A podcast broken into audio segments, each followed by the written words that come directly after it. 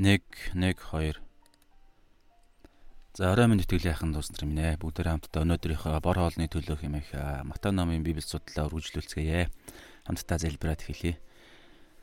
Бурхан аав минь ээ би танд талархаж байна. Өнөөдрийн энэ цагаар дамжуулан та бидэнтэй яриач. Эзэн бидний зүрхийг та хангааж имчлээч. Эзэн бидний оюун ухааныг та өөрийнхөө хаанчлалын сүнсний оюун ухаан болгон та өөрчлөөч энэ дэлхийн хууль дүрмээр энэ дэлхийн махбодийн хүслийн дагуу эзэн бодон сэтгэдэг энэ оюун ухаанаа эзэн минь бид Үнэхээр таны оюун ухаанаар шинжлэхийг хүсэж байна. Библиэлд эзэн махбодийн эсрэг оюун ухаанаа хуучин хувцаа тайлж махбодийн эсрэг дайн тулалд өхүүл гэж хэлдэг үлээ. Эзэн тиймээс өнөөдрийн энэ зүйлээр дамжуулан та биднийг өөрчлөөч эзэн. Хуучин хүнээс шин оюун ухааны хүн болгон өөрчлөөч. Амен. За өнөөдрийнхөө ашлыг ашлуудыг хамт уншицгаая. Матай 18 дугаар бүлгийн 6-аас 9 гэсэн ишлэл байна. За би уншия. Нүгэлд уруу татах гэсэн гарч игтэй. За өнөөдрийн хэсэг бол Марк 9-ийн 42-оос 48, Лук 17-гийн 1-ээс 2 гэсэн хэсгүүд дээр байгаа. За би өнөөдөр бас л цагаас хэтрэхгүй байхыг хичээнэ. За уншлаа. Матай 18-ийн 6-аас 9. Надад итгэгч энэ балчруудаас нёгийг нь хэн бүдрүүлнэ? Тэр нь хүзүүндээ термин чулуу зүгээд тэнгисийн гүнд живснэн дээр бүдрүүллийн улмаас ертөнц ертөнц золгүй ээ. Юу гэвэл бүдрүүлэл эрхэн зайлшгүй бөгөөд харин бүдрүүллийг гүйцэлдүүлэгч тэр хүн золгүй ээ. Гарч нь эсвэл хөлчин чамааг бүдрүүлвээс тас тас жавчиж хай. Хоёр гартаагаа эсвэл хоёр хөлтөөгөө мөнхийн галд хаягдсанаас гаргүй эсвэл хөлгүүгээр аминд орох нь чамд дээр. Нүд чин чамааг бүдрүүлвээс ухаж хай. Хоёр нүдтэйгээ галд тамд хаягдсан галд тамд хаягдсанаас өрөөс нь нүдтэйгээр аминд орох нь чамд дээр. Амен. За тэгэхээр та энэ дэлгэцэн дээр харж байгаачлан А Матай ном яг одоо энэ 18 дугаар бүлэг хүртэл Матай ном номон дээр хаанчлалын Тэнгэрийн хаанчлал, Бурхны хаанчлалын талаарх ерөнхийдөө бол 10 хичээл номлол байгаа. Тэгээ би эхнээс нь газ нэг дурдаах юм. Ингээ том зургаар нь харах нь биднэрт сайн учраас тэгээд 18 руу оръё. За Матай 4-ийн 17 дээр Есүс Христ гимшигтүүн Тэнгэрийн хаанчлал, Бурхны хаанчлал айсуу гэж хэлснээрээ хаан ирж байна хаанчлал хаан ирж байна гэдгийг хэлсэн. Тэр хаан хинбэ гэхээр тэр бурхны хаанчлалд хүрэх цорын ганц зам үнэн ам болсон Есүс Христ өөрийгөө хэлж байгаа. За хоёрдугаар Тэнгэрийн хаанчлалын талаар Матай 5-ын 3-аас 20 дээр болохоор Тэнгэрийн хаанчлалын бурхны хаанчлалынхын дотор нь байдаг хаанчлалын хүмүүс хүмүүсүүд хүмүүсүүдийн талаар зааж байгаа хоёрдугаарт а 9 өрөөл байгаа өрөөлтөе гэдэг те Аа тэгээд гэрэл давс байх. Энэ дэлхий дээр хэрхэн ялгарч амьдрах талаар хэрхэн хаанчлалын хүмүүс энэ дэлхийн хаанчлалын хүмүүсүүдээс харанхуйн сатааны бузар муугийн махбодийн хаанчлалын энэ хөвгүүд охтуудаас хэрхэн ялгаатай байх төр гэрэл давсны талаар заадаг хаанчлалын хүмүүсийн талаар. Бас хуулийн биелэл. Есүс Христийн дотор хууль нь бүрэн биелэгдсэн. Тиймээс бид нар Есүс Христийн дотор үргэлж дотор нь алхаснараа хуулийг бид нар биелүүлдэг Нэг талаараа нөгөө талаараа мөн энэ дэлхий дээр амьдрахтаа бид биелүүлэн амьдрах боломж нь өгөгддөг. Есүсийн дотор ариун сүнсний хүчээр дамжуулж. Гуравдугаарт нь энэ Тэнгэрийн хаанчлал Бурхны хаанчлалын хаан нь хинбэ гэдгийг аа Матай 6-гийн 13 дээр хэлж байгаа. Нөгөө залбирал дээр Учир нь хаанчлал хүч чадал алдарсан үрд таних гэд бурхан танд жилж байгаа. Тэгэхээр бурханы хаанчлал байгаа. Тэнгэрийн хаанчлал, бурханы хаанчлал. Тэр бурхан бол гурвуулаараа оршиж бурхан шүү дээ, тэ. Тэр утгаараа бурханыг томоор нь ерөнхийд нь бол нэрлэж болно. Нэгдмэл бурхан гэсэн санаа. За А дөрөвдүгээрт нь бурхны энэ Тэнгэрийн хаанчлал, бурхны хаанчлалын ямар чухал вэ гэдгийг энэ дэлхий дээр бид амьдарж байгаа бидний хувьд хамгийн чухал гэдгийг Матай 6-гийн 33 дээр хэлдэг. Хамгийн төрүүнд нин тэргүүнд эхэлж тавих ёстой гэдгийг Тэнгэрийн хаанчлалынх нь охид түгүүд өөрсдөө маш сайн ойлгож хаанчлалынхаа чухал байдлыг энэ дэлхийн хаанчлал дэлхийн одоо энэ хүсэж байгаа зүйл дэлхийн энэ урсгалтай нэгдэхгүй харин Бурхны хаанчлалаа хамгийн дөрөнд тавьдаг байх талаар зааж байгаа. Тэгээд тэгэх юм бол энэ дэлхий дээр нөгөө нэг хэрэгцээтэй байгаа зүйлсүүдийг нэмж хаанчлан тогтолцоо нь өөрөө өгдгөө ийм тогтолцоотой гэдгийг тавдугаарт нь Тэнгэрийн хаанчлалд хэн орох вэ? Ямар хүмүүс Тэнгэрийн хаанчлалд ордог вэ гэдгийг Матай 7-гийн 21 дээр хэлж байгаа. Эзэн минь гэж ярьдаг, үйлчилдэг, номлодог хүмүүс орохгүй. Номлодог хүмүүсүүд нь Тэнгэрийн хаанчлалд орох гол шалгуур нь биш. Энэ зүгээр л үр дагавар нь. Гэхдээ яг гол шалгуур нь ямар хүмүүс Тэнгэрийн хаанчлалд орох вэ гэхлээрэ эзэн минь гэдэг биш, номлодог биш, гайхамшиг үйлддэг нь бол гол шалгуур нь биш. Хамгийн гол нь Тэнгэр дэх эцгийн хүслийг дуулууртайгаар даган үйлдэж биелүүлдэг хүмүүсүүд Бурхан Аавын хүслийг энэ Тэнгэрийн хаанчлалд орох цорын ганц шалгуур нь Түүнээсээр ямар нэгэн цол хэрэгэм үйлчлэл гой харагдах гой номлол хэлэх мэлэх биш. Яг Бурхан Аавын хүслийг үйлддэг дуулууртай даган амьдрэх хүмүүс орно. Тэр амьдралынх нь нэг хэлбэр нь л номлол байдаг, гайхамшиг байдаг, бие биендээ үйлчилдэг, гой гой юм янз бүрийн энэ библийн сургууль мургуул те пастор мастер гэдэг янз бүрийн үйлчлүүд нь хийдэг. Гэхдээ тэр нь Тэнгэрийн хаанчлалд ордог гол юм биш гэж хэлж байгаа.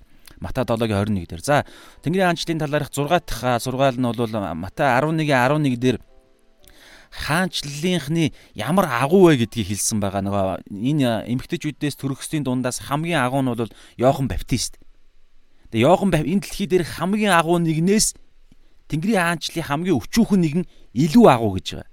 Тэр утгаараа Тэнгэрийн хаан энэ дэлхий дээр байгаа энэ элдв янзын мундаг мундаг хүмүүстэй бид өөрсдийгөө харьцуулах нь дэндүү мэдлэггүй а оюун ухаан өөрчлөгдөөгүй одоо балчир эсвэл энэ тэнгэрийн аанчлалын ч хүн биш байх магадaltaй. Бидний хамгийн тэнгэрийн аанчлалын хамгийн өчүүхэн нэгэн энэ дэлхий дээр байгаа хамгийн мундаг нэгнээс хамаагүй агуу гэж байгаа. Яагаад тэгэхээр тис өөр доош харсан энэ тэнгэрийн аанчлалын эсрэг тогтолцоотой хаанчлах байхгүй юу? Яг л бодит ертөнд сүнслэг ертөнц гэдэгтэй адилхан. За тийм учраас энийг бол 6 дугаарт нь зааж байгаа. 7 дугаарт нь тэнгэрийн аанчлалын талаарх тэнгэрийн хаанчлалыг урилгыг хүлээж авдаггүй тэнгэрийн хаанчлалд ордоггүй орохгүй байхыг сонгодог хүмүүсүүд байдгаа бүх хүмүүс тэнгэрийн хаанчлалыг орохыг тэнгэрийн хаанчлалд орохыг сонгодоггүй гэдгийг а хэлж байгаа. Ер нь одоо энэ 7-оос энэ 7 8 9 10 гээд энэ дөрвөн тэнгэрийн хаанчлалын заадаг юм нь Матай 13 дугаар бүлэгдээр байгаа тэнгэрийн хаанчлалын талаарх 7 сургаал дээр ингэж хуваагддаг. Тэгэхээр нэгдүгээрт нь 7 сургаал нь нэг нь болохоор тэнгэрийн хаанчлал бүгд ордоггүй гэдгийг илэрхийлсэнийг сургаалт зөвлөл явдаг. Тэр нь Матай 13-ийн 1-ээс 23 дээр дөрвөн хөрсний талаар гардаг. Хамгийн сүүлчийн хөрс нь л Тэнгэрийн хаанчлалын охид хөвгүүдийг илэрхийлдэг зүрх сэтгэлийг нь. Аа нөгөө хэд нь бас итгэж байгаа та унших юм бол гэтээ итгэсэн биш. Итгэснийхаа дагуу амьдрдаг үр жимс гардаг тэр нэг нь Тэнгэрийн хаанчлалд орно буюу нөгөө түрүүн ямар хүмүүс Тэнгэрийн хаанчлалын Орхоо гэдэг дээр 7-гийн 21 дээр хэлсэн Бурхан Аавын хүслийг үйлддэг дуулууртаа даган амьдрдаг хүн л Тэнгэрийн хаанчлалд орно гэж Есүс эзэн өөрөө хэлсэн. Ямар нэгэн пастрийн номлол биш. Хин нэгний зохиосон тайлбар номлол биш. Эзэн өөрөө зам, үүд, хаалга, үнэн ам болсон Есүс өөрөө тэгж хэлсэн. Зөвхөн Бурхан Аавын хүслийг дагаж үйлддэг дуулууртаа даган амьдрдаг тэр нарийн замаар явдаг нэг л орно. За энийг ярьж байгаа. За тэгээд 8 дугаарт нь болохоор Тэнгэрийн хаанчлалын хаанчлалд ороогүй хүмүүсүүдийн буюу тэр нөгөө дөрвөн хөрсийн сургаал зөвлөлийн нөгөө гурав нь гэсэн үг шүү дээ. Тэнгэрийн хаанчлалд ороогүй, Тэнгэрийн хаанчлалыг сонгоогүй хүмүүсүүдэд өгөгдөх шийтгэлийн талаар аа нөгөө долоон сургаал зөвлөлийн чинь хоёр нь явж гин. Үрийн сүүлний талаар сургаал зөвлөл Матай 13 дээр аа муу загас гэдэг энэ сургаал зөвлөл. Муу загас чи яг том загасны том тор гэдэг сургаал зөвлөл баггүй юу. Тэгээд томоор нь зүгээр баахан загас авчдаг. Тэгээд сайныг нь ялгаад мууг нь хайдаг энэ хаягдж байгаа муу нь болохоор Тэнгэрийн хаанчлалд ороогүй. А урилгыг хүлээж аваагүй. Авсан ч гэсэн тэрүүгээрээ үргэлжлүүлэн тэр эзэн хаан хааныхаа хаанчлалд захирагдан дуулууртаа яваагүй. Дундаасаа хайсан гэсэн.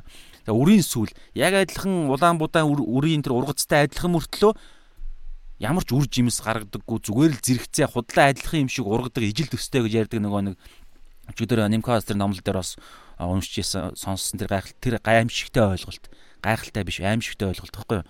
За 9 дугаарт нь болохоор Тэнгэрийн хаанчлалын өсөлт ямар байдлаар өсдөг вэ тэр өсөх асар тэ нөлөөтэйгээр өсдөг чанарыг нөгөө Матай 13 дээрх 7 сургаал зүйрлэлийн а тэ одоо 1 2 3 4 5 дахь нь гичний үрийн талаарх сургаал зүйрлэл хөрөнгөний талаарх сургаал зүйрлэлээр хаанчлал яаж өсдөг, яаж нөлөөлдөг гэдэг талаар Матай 13-ын 31-ээс 33 дээр гарч байгаа. За 10 дахь нь буюу сүүлжийнх нь хаанчлалын үн цэний талаар. Нөгөө Матай 13 дугаар бүлгийн 7 сургаал зүйрлэлийн талбайд нуугдсан эрдэнэс сайн сувд суудтай зөөрлсөн байгаа. Маш үн цэнтэй. Бүх зүйлээ зараад тэр талбайд нуугдсан эрдэнсийг авдаг тэр нэгэн эрдэнэстэй. Тэгээд тэр хамгийн сайн сувдны төлөө бүх зүйлээ зарж байгаа тэр сайн сувдны үн цэнтэй. Үн цэнээр энэ Тэнгэрийн хаанчлалын үн цэнийг зөөрлүүлж Есүс өөрөө ярьсан. Гэтэл бид нар энэ дэлхий дээр амьдарч байгаа энэ дэлхийн хаанчлалын үн цэнийг энэ Тэнгэрийн хаанчлалын үн цэнээс илүүд үзчихвэл Тэнгэрийн хаанчл дахин төрсэн бурхнаар төрсэн нэгэн мөн үү биш үү гэдэг дээр асар том анхаарлын тэмдэг тавина гэсэн үг. Эсвэл маш балчир байна. Энэ балчир байдалтай бид удаан энэ сүнслэг тулаан донд амьдрч чадахгүй. Тийм учраас энэ мэт энэ сургаал Библийн сургаалыг сонсоод бид боломжтой байгаа дээрээ өөрсдийгөө өөрчлөх хэрэгтэй. Тэгэхгүй бол а залмих бүдрүүлэх чулуу бүдрүүлэх занг айсгүй хаасаагүй бидний хүлээж байгаа гэсэн санаа. За ингээд Матай 13 дугаар бүлэг хүртэл ерөнхийдөө бол Тэнгэрийн хаанчлалын талаарх 10 зүүрлийг Есүс өөрөө ярьсан. Есүсийн амнаас гарсан үгсүүд эдгээр нь. За одоо үргэлжлүүлээд Матай 18 дугаар бүлэг дээр Есүс дахиад Тэнгэрийн хаанчлалын талаар ярьж байгаа. Гэхдээ одоо энэ болохоор ямар байдлаар ярьж байгаа гэхээр Матай 18 дугаар бүлэг тэр чигээрээ Есүс Тэнгэрийн хаанчлалд дотор орчихсон хариалагдж байгаа хүмүүсүүдийн хоорондын харилцааны мөн чанар тэр ямар зүй тогтолтой байх ёстой вэ? Юун дээр анхаарах вэ гэдэг тэр харилцааны талаар Есүс Христ одоо өнөөдөр заах гэж байна. За тэг бүгдээрээ эхнээс нь хараад явъя. За энийг харахаас наан бүгдээрээ түрүүн би Матай 18 гээ ярьсан те. Тэгэхээр одоо бид нар 6-аас 9 рүү 9-ыг үзэх гэж штэ. Тэгэхээр 1-ээс 5-ыг үзсэн гэсэн үг өмнө нь. Аа тэгээ би энийг болохоор ингэж том зургаар нь өнөөдөр харсан учраас а 1-ээс 5-ыг би товчхон дурдаа тэгээд 6 руу орох хэрэгтэй. Нэгдүгээр, хоёрдугаарт энэ 6-аас 9-р ишлэлийн өнөөдрийн бидний үзэх зүйл 1-ээс 5-ын яг үргэлжилнэ. Дараагийн бор олны төлөөх библи судлалын цагч гэсэн бас үргэлжилж байгаа. Нэг чухал үгээр. Бүгдээрээ анзаарай. За Матай 18-ийн 1-ээс 5 дээр дагалдагч нар ингэж асуусан шүү дээ. 12 элчин нар Есүстэй хамт аян замд явж байхдаа хоорондоо маргалдаад мэтгэлцээ явж байгааг Есүс сонсоод тэ асуу асуух үед эзнээс ингэж асууж байгаа дагалдагч нар нөгөө 12 элч нар эзэн тэр цагт шавнар нь Есүс дээр ирж Тэнгэрийн хаанчлалд хэн нь хамгийн агуу байх вэ? Тэнгэрийн хаанчлал дотор орчихсон хүмүүс дотроо хэн нь хамгийн агуу байх вэ гэдэг асуултыг 12 элч нар тавьсан нь тэдний хувьд зүрх сэтгэлд нь асуудал байна гэдгийг Есүс олж илрүүлсэн учраас нэг хүүхдийг авчираад балчир нэг нэг авчираад дундаа тавьж байгаа заахта юу заасан бэ гэхээр та нар өөрчлөгдөөд энэ хүүхдүүдтэй адил болохгүй бол Тэнгэрийн хаанчлалд яасан ч орж чадахгүй гэж хэлсэн. Энийг бид нар өмнөх библи судлалаар үзсэн та тэрийг үзээрэй. За тэгэнгүүтлээ дараагаар нь хин Тэнгэрийн хаанчлалд агуу байх вэ гэхлээр энэ хүүхчиг өөрийгөө балчир даруу болгосон нэгэн Тэнгэрийн хаанчлалд хамгийн агуу нэг гэгднэ гэж байгаа. Тэгэхээр ингээ харах юм бол Матай одоо 10 өнөөдрийн үзэж байгаа бүлгийн 18-ын 1-ээс 5 дээр Тэнгэрийн хаанчлалд хамгийн агуу байх дэлхийн хаанчлалын яг эсрэг ойлголт нь ойлголт ярьж байгаа Есүс. Тэд нар бол яг энэ дэлхийн хаанчлалын ойлголтоор за Есүс удахгүй одоо нэг сар орчмын дараа удахгүй загалмай дээр алагдана. Тэгээд за 3 хоногийн дараа амилсан ч гэсэн дараагаар энэ дэлхий дээр байхгүй өргөгдөөд явна гэдгийг тэр мэдэрсэн. Есүс ч гэсэн хэлсэн. Тийм учраас Есүсийг явах үед 12 дагалдагч нар биднээс хэн нь өдөрдөж явах вэ? Есүсийн оронд хэн биднийг өдөрдөх вэ гэдэг юм уу. Тэгээ ер нь Тэнгэрийн хаанчлал биднээс хэн нь илүү чухал вэ? Есүс хэнийг нь илүү хайрладаг вэ гэж хоорондоо маргаал маргалдж байгаа тэр бодлынхон тогтолцоо энэ дэлхийн хаанчлалын стандарт хэмжүүр хэмжүүрээр хоорондоо ярьж ирсэн намайг илүү хайрлсан, дээр ингэсэн, дээр тэгсэн. Би аа та бол Христ амьд бурхны хүн мүү гэж би хэлсэн гээл Петрийн тэгдэг ч юм уу. Тэгэл Андрей би танараас ахмах гээл Йохан болохоор элдв янзын юм яриад хамаатан мамаатан гээл. Тэгэл яг дэлхийн хүмүүсүүдийн бодлоор ярих үед Есүс шал эсрэг юм ярьсан. Дэлхийд. Тэгээ эндээс бид нар ойлгох хэрэгтэй юм юу гэдэг вэ? Бидний энэ чуулганы амьдрал гэж гаднах хэлбэр нь. Гэхдээ яг гол юм нь бидний хувийн амьдрал гэхгүй юу? Өдөр тутмын амьдрал. Өдөр тутмын бид амьдрал юу ямар сонголт хийж амьдарж байгаа вэ?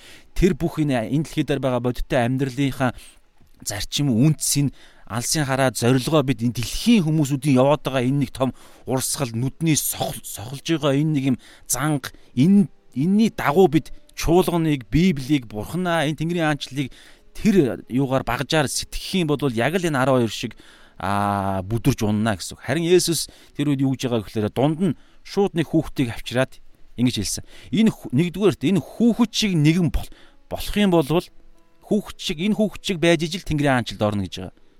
Сүнсэндээ ядуу хүнд ерөөлтөө Тэнгэрийн хаанчлалд тэднийх гэж байгаа. Йохан 3 дээр бас юу гэж байгаа гэхээр Йохан 3 дээр юу гэж байгаа гэхээр хин дээрээс буюу ус ба сүнсээр эс төрн тэр нь Тэнгэрийн хаанчлалд яасан ч орч чадахгүй. Өөрөөр хэлбэл тэгээд төрөх гэдэг үйл явдалтай зүүрлж Никодем тайлбарлахад Никодем ойлгоогүй байхад газрын зүйлийг би төрөх, тэнгэрийн зүйлийг би газрын зүйлээр илэрхийлж зүүрлүүлж төрөх гэдэг ойлголтоор яриад газрын зүйлээр ярьж байгаа чи ойлгохгүй бол яаж тэнгэрлэг зүйлийг ойлгох вэ гэдэг юм ярьдаг. Тэгээд тэр зүүрлүүлж байгаа юм хүүхэд төрөхдөө хүүхэд өөрөөсөө юу ч хийдэггүй. Ээж аавын тэр нэг юм дээд хүчээ хүчийн тэр оролцоогоо тэр хүчний нөлөөгөөр хүүхэд зүгээр л төрдөг Өөрөөсөө ямар ч юм хийдэггүй. Тэрнтэй адилхан Тэнгэрийн хаанчлалд орно гэдэг нь тэр бурхан бид нарыг цоо шин болгон бүтээдэг. Тэр бүтээж байгаа цоо шин аа тэ тэр нэг юм ертөнцид төрж байгаа байхгүй юу. Тэгээ тэр нь ямар байдалтай вэ гэхээр яг тэр хүүхдийн одоо энэ дэлхий дээр амьдарч байгаа бид нарын тэр хүүхдийн мөн чанартай эзэн зүүрлж байгаа. Яг адилхан байгаа физикийн махбодийн одоо хүүхдийн төрөөд өсөх тэр өсөлт боожолттой сүнслэг ертөнцийн тэр юу бас зэрэгцэн явдаг. Адилхан тэр харьцуулалт явдаг бас. Тэгээ ингээ харах юм бол хүүхэд юу вэ? Даруу. Тэгэхээр Тэнгэрийн хаанчлалд хамгийн агуу нэгэн нэгдүгээр хоёрдугаарт Тэнгэрийн хаанчлалд орох шалгуур нь хүртэл яг юм. Бидний сэтгэхүй даруу байх хэрэгтэй. Яг хүүхэд чиг даруу. Яагаад гэхээр нэг бардан мөртлөө наана би нэг даруу байна. Нэг мундаг цаана дотроо те за би мундаг. Гэхдээ яг эднэрт Библиэлд тэгээ хэлсэн юм чин даруу гэж харагдъя гэдэг тийм даруу байдал биш. Угаасаа хүүхэд даруу байхгүй мундаг бай гэж хичээгээд чадахгүй. Боломж нь байхгүй. Тийм факт үннийг хүүхэд ойлгож байгаа. Томчууд том хүмүүсүү том ах эгч нар аав ээж гээд энэ том хүний ертөнд том хүний ертөнц донд хүүхэд угаасаа даруу болохоос аргагүй. Яг энтэй адилхан сүнслэг ертөнцид бид дангаараа би ямар ч хүчгүй гэдгээ ойлгох хэрэгтэй. Бидний дайсан чөтгөр өөрөө хэдэн мянга за одоо тий 6-аас 7 мянга гэж ярьж байгаа янз бүрээр ярих бах тий хүн төрөлхтний түүхийн эхлэлээс ахуулаад энэ одоо 2020 он хүртэл хүн төрөлхтнийг гайхалтайгаар аимшигтайгаар хуурч чадсан тэр чөтгөрийн одоо хүртэл энэ дэлхийд өөрийгөө илчлэхгүй нуугдсан мөртлөө энэ дэлхийг захирч чадж байгаа тэр нэгнийг хүн бид нар өөрийн хүчээр яасан ч дийлж чадахгүй гэдгийг ойлгоно. Зөвхөн Есүсийн дотор зам үнэн ам болсон Есүсийн дотор л бид нар а тэр зөвтгөгдөөд тэр ялалтын амьдралаар амьдраад ариун сүнсээр нь тэгж чадна гэдгийг ойлгоно. Яг л балчир хүүхчиг. Аавынхаа дотор л аавынхаа аав ээжийнхээ хамгаалтанд гэрте байхдаа л би эрх чөлөөтэй гэдэг шиг Есүсийн хаанчлал дотор Есүсийн үгэнд дуулууртай байх ариун сүнсээр нь явж ижил Есүсийн зөвхт байдал буюу үргэлжил гимшиж үргэлж Есүс Христийн загалмай загалмай дээр өнөөдөр бас ярин загалмай дээр тэр хүүх ойлголт ингэж явж иж хүүхэд эрх чөлөөтэй амьд явна. Тэгэхгүй бол би чадахгүй гэдэг тэр даруй байдал, сул дорой байдал яг сая адилхан ярьсан тий. Тэгээ бусдаас хамааралтай байдал. Хүүхэд шууд бусдаас хамааралтай. Тэгээд юдэчүүдийн тэр урд өмнөх юун дээр ярьсан юдэчүүдийн цаг бол хүүхэд хүүхдэд ямар ч эрх байгаагүй. Яг хууль зүйн эрх. Яг энтэй адилхан. Одоо ч гэсэн Монгол улсад хууль зүйн эрх мэдээж байгаа боловч нас бий гүйтсэн тэ хуулийн этгээд болоогүй шүү дээ хүүхэд чинь. Тэр утгаараа ч тэр Тэнгэрийн хаанчлал яг адилхан тэгж ярьдаг. Бид нар бол боол. Гэхдээ сайн эзэнтэй болохгүй сайн эзэнтэй бидний төлөө амиа өгсөн бидний төлөө бүх зүйлийг өгдөг энэ дэлхийн ертөнцийг бидний төлөө бүтээж өгсөн бүр одоо нөгөө нэг маш гайхалтай эзэн байхгүй. Тэгэхээр тийм эзэнтэй тэгсэн мөртлөө бид боол. Яагаад боол болж өөрсдөө ирэхгүй эзнийхээ аа тэ одоо заавар зүлгөөр амьдрах ёстой байгаад байгаа вэ гэхлээр энэ дэлхий дээр бид тулаанд байгаа учраас энэ дэлхий дээр дайсан байгаа учраас Есүсээс нэг л алхам гарах юм бол нэг л алхам бид энэ дэлхийн урсгал руу нэгдэх юм бол нөгөө сүрэл рүү хөтэлдэг Матай 5 5 6 хавцаа байгаа сүрэл рүү хөтэлдэг тэр өргөн зам руу орох байхгүй юу? Тэгээ бид шууд төөрнө. Тийм учраас Есүсээс Бурханаас ариун сүнснээс бусдаас буюу тэр Бурханаасаа үргэлж хамааралтай байна гэдэг нь бидний яв Тэнгэрийн аанчлалын хамгийн чухал тэр зан чанаруудыг одоо энэ хүүхчиг зан чанар гэдэг дотор бүх зүйлсүүд ингээд базагдж байгаа байхгүй юу. Тэгээ өөрийн гэсэн ирэх байхгүй түрүүн ярьсан. Тэгээ нэгдүгээр ийм ярьж байгаа. Ийм болох юм ярьж байгаа Тэнгэрийн аанчлалд. Хоёрдугаарт нь яг өнөөдөр бидний үзэх хэсгийн 3 4 ишлэлийн өмнөх ишлэл дээр 5 даар ингэж байгаа. Хэн миний нэрээр Есүсийн нэрээр Есүсээс болж гэсэн үг те. Есүсийн нэрээр ийм саяны ярьсан ийм хүүхдүүдийг хүлээж авна. Тэр Есүсийг хүлээж авд авсан хэрэг болно гэж ярьж байгаа. Эндээс ямар санаа гарч байгаа вэ гэхээр өнөөдрийн бидний үзэхийн дөрвөн ишлэл рүү орно. 6 7 8 9 гэх энэ дөрвөн ишлэл рүү орно. Энийний өмнөх маш чухал санаа байгаа. Юу вэ гэхээр Матай 10:40 дээр ч гэсэн байгаа. Та та нарыг хүлээж авбал нөгөө 12 элч нараа илгээх үедээ эзэн хэлж байгаа. Та нарыг хүлээж авбал намайг хүлээж авсан хэрэг болно. Намайг хүлээж авбал намайг илгээх чи хүлээж авсан хэрэг болно гэж ярьдаг. Тэгээд үүс 9-ийн 4 дээр аа юу гарч байгаа гэхээр Паул итгэгч нарыг хавчгаар Дамаск руу явж байгаа. Тэр үед яагаад нөгөө Есүстэй уулздаг те. Есүс өөрийгөө илчилдэг. Тэгээд мориноос нь унгаад асар нүд соголтом гэрэл гэрэл дунд эзэн өөрийгөө илчилдэг те. Тэгээд та хэн бэ гэж ихэхгүй Есүс чи юунд намайг хавчна вэ гэж хэлж байгаа те. Есүсийг хавчих гэж яваагүй. Есүст итгэсэн тэр буруу номтнуудыг хавчих гэж явсан чинь хавчиж байгаа хүмүүсүүдийг Есүс юу гэж илэрхийлсэн бэ гэхээр би гэж хэлсэн бохоггүй юу? намайг энүүгээр юу хэлж байгаа гэхээр яг өнөөдрийн 5 дугаар ишлэлтэй адилхан. Есүсийн нэрээр ийм хүүхдүүд буюу түрүүн Тэнгэрийн хаанчлалын бүх иргэдийг ийм балчир хүүхдүүдийн мөн чанартай байх ёстой гэж ярьсан шүү дээ. Түрүүн хэлсэн та нар ийм хүүхдтэй адил болохгүй бол Тэнгэрийн хаанчлалд орохгүй гэсэн. Тэгээд бид тийм учраас Тэнгэрийн хаанчлалд орсон байвал бид нар балчир хүүхдүүдийн адил тэр мөн чанартай байна гэсэн. Гэхдээ Бурхны өмнө шүү дээ. Бурхны өмнө бид Бурханаас хамааралтай энд Бурхны өмнө сүнслэг ертөнцид даруй Бурхнаа Бурхны хүчгүй сул дорой тэгээ Бурхнаас хамааралтай Бурхан байхгүй бол би Тэнгэрийн хаанчлалд амьд явах ямар ч боломжгүй.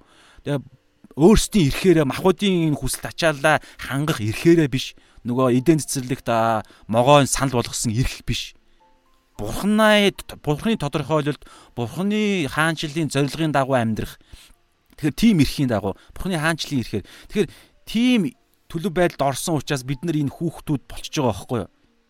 эн чинь маш сайн маш чухал нөгөө Паул 20 дугаар Коринтер ч гэсэн хэлж байгаа мөхөс байдал Паул тандж хэлж байгаа те мөхөс байдал дотор миний хүч илүү төгс төгөлдөр болдог гэж хэлсэн учраас Паул тийм учраас би мөхөс байдлаараа илүү сайрхна гэж ярьж байгаа байхгүй Паул ч мундаг мэдлэгтэй хүн шүү дээ. Гэхдээ би мөхөс байдлаараа илүү сайрхна гэд. Нэг 3 удаа залбирд нөгөө өргөс ярьдаг шүү дээ те. Тэр нь өвчин байсан уу юу байсан уу бүү мэд. Сатаны зарлага хэлч гэдэг үгээр илэрхийлж байгаа. Тэгэхээр янз бүрийн байдлаар тэр хүний хувьд янз бүрийн сул дорой байдал байж болно. Тэгэхээр итгэж хүмүүсийн хувьд байгаа тэр сул дорой байдал нь бидний хувьд бахархах зүйл болж байгаа байхгүй юу? Тэр сул дорой байдал биднийг хүүхэд шиг болгож байгаа, балчир болгож байгаа гэсэн. Сул дорой байдлынхаа хүчээр бид Бурхны хүч миний дотор ажиллах боломж нь орж ирж байгаа. Хэрэв би надад сул дорой байдал байгаагүй бол би Бурхны хүч хэрэггүй болчих штеп. Хүн чинь тийм л дорой учраас. Тийм учраас сул дорой байна гэдэг чинь Бурхан сул дорой байдлыг нөхөхөөр орж ирэхдээ төгсөөр орж ирнэ гэсэн. Тэр утгаараа ингэж яаж байгаа. Тийм учраас энд ингэж байгаа байхгүй.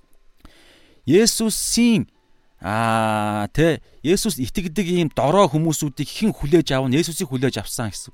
Харин тэгээд Есүс одоо энэ дээр хараа хэрв Есүсийг балчир нэгнийг хүлээж авахгүй бол Есүсийг хүлээж авахгүй гэсэн санаа авахгүй байна гэсэн. Тэгээ өнөөдрийн хэсэг орж ирж байгаа. Нүгэл дуруу татах хэсэг хэсэг. Энийг маш сайн өнөөдрийн хэсгийг ойлгохын тулд 5 дугаар ишлэлдийн энэ хэсэг маш чухал байгаа байхгүй. За тэгээд 6-аас бүгдээр харъя. Надад итгэгч, Есүст итгэгч, Есүсийн дотор оршдог гэдэг юм уу те? Есүст итгэгч энэ балчруудаас энэ зөвхөн хүүхэд яриаг одоо хүүхэд шиг нэгэн гэсэн үг. Нас хамаа байхгүй гэсэн үг. Хэдэн жил итгэсэн үү маань уу хамаа байхгүй. Ямар үйлчлэлтэй нөө үйлчлэлгүй байна хамаа байхгүй. Балчир гэдэг тэр юунд орсон Тэнгэрийн хаанчлалын гэсэн санаа шүү дээ тий. Тэгэхээр надад итгэгч энэ балчруудаас хүүхчиг нэгэн тий бурхны өмнө хүүхчиг байгаа тэдгээр хүмүүсүүдийн нэгийг нь зөвхөн нэгийг нь хэн бүдрүүлнэ. За энэ бүдрүүлнэ гэдэг энэ үгийг бол ингээд юу гэдэг юм англиээс нь бас харахаар хэн гимд гим үйлдэхэд хүргэнэ гэж байгаа байхгүй юу. Эдгээр Есүс итгэдэг эдгээр балчруудаас а тэгэхээр янз бүрийн байдлаар илэрхийлж болно. Хэд хэдэн орчуулгын юунаас хамаараа те. Есүст итгэгч эдгээр балчрууд балчир нэгэн шиг эдгээр итгэгчдээс нэгийг нь хэн бүдрүүлнэ, сорилтонд оруулна, гим үйлдэхт хүргэнэ, хэн гомдоон, хэн зовоон янз бүрээр хэлж болно. Тэр нэгнийг тэр нэгэн яана гэж тэр нэгэн Есүстэй уулзраа олох хэрэгтэй болно гэсэн. Ийм учраас 5 дахь ишлэл хэлж байгаа байхгүй юу?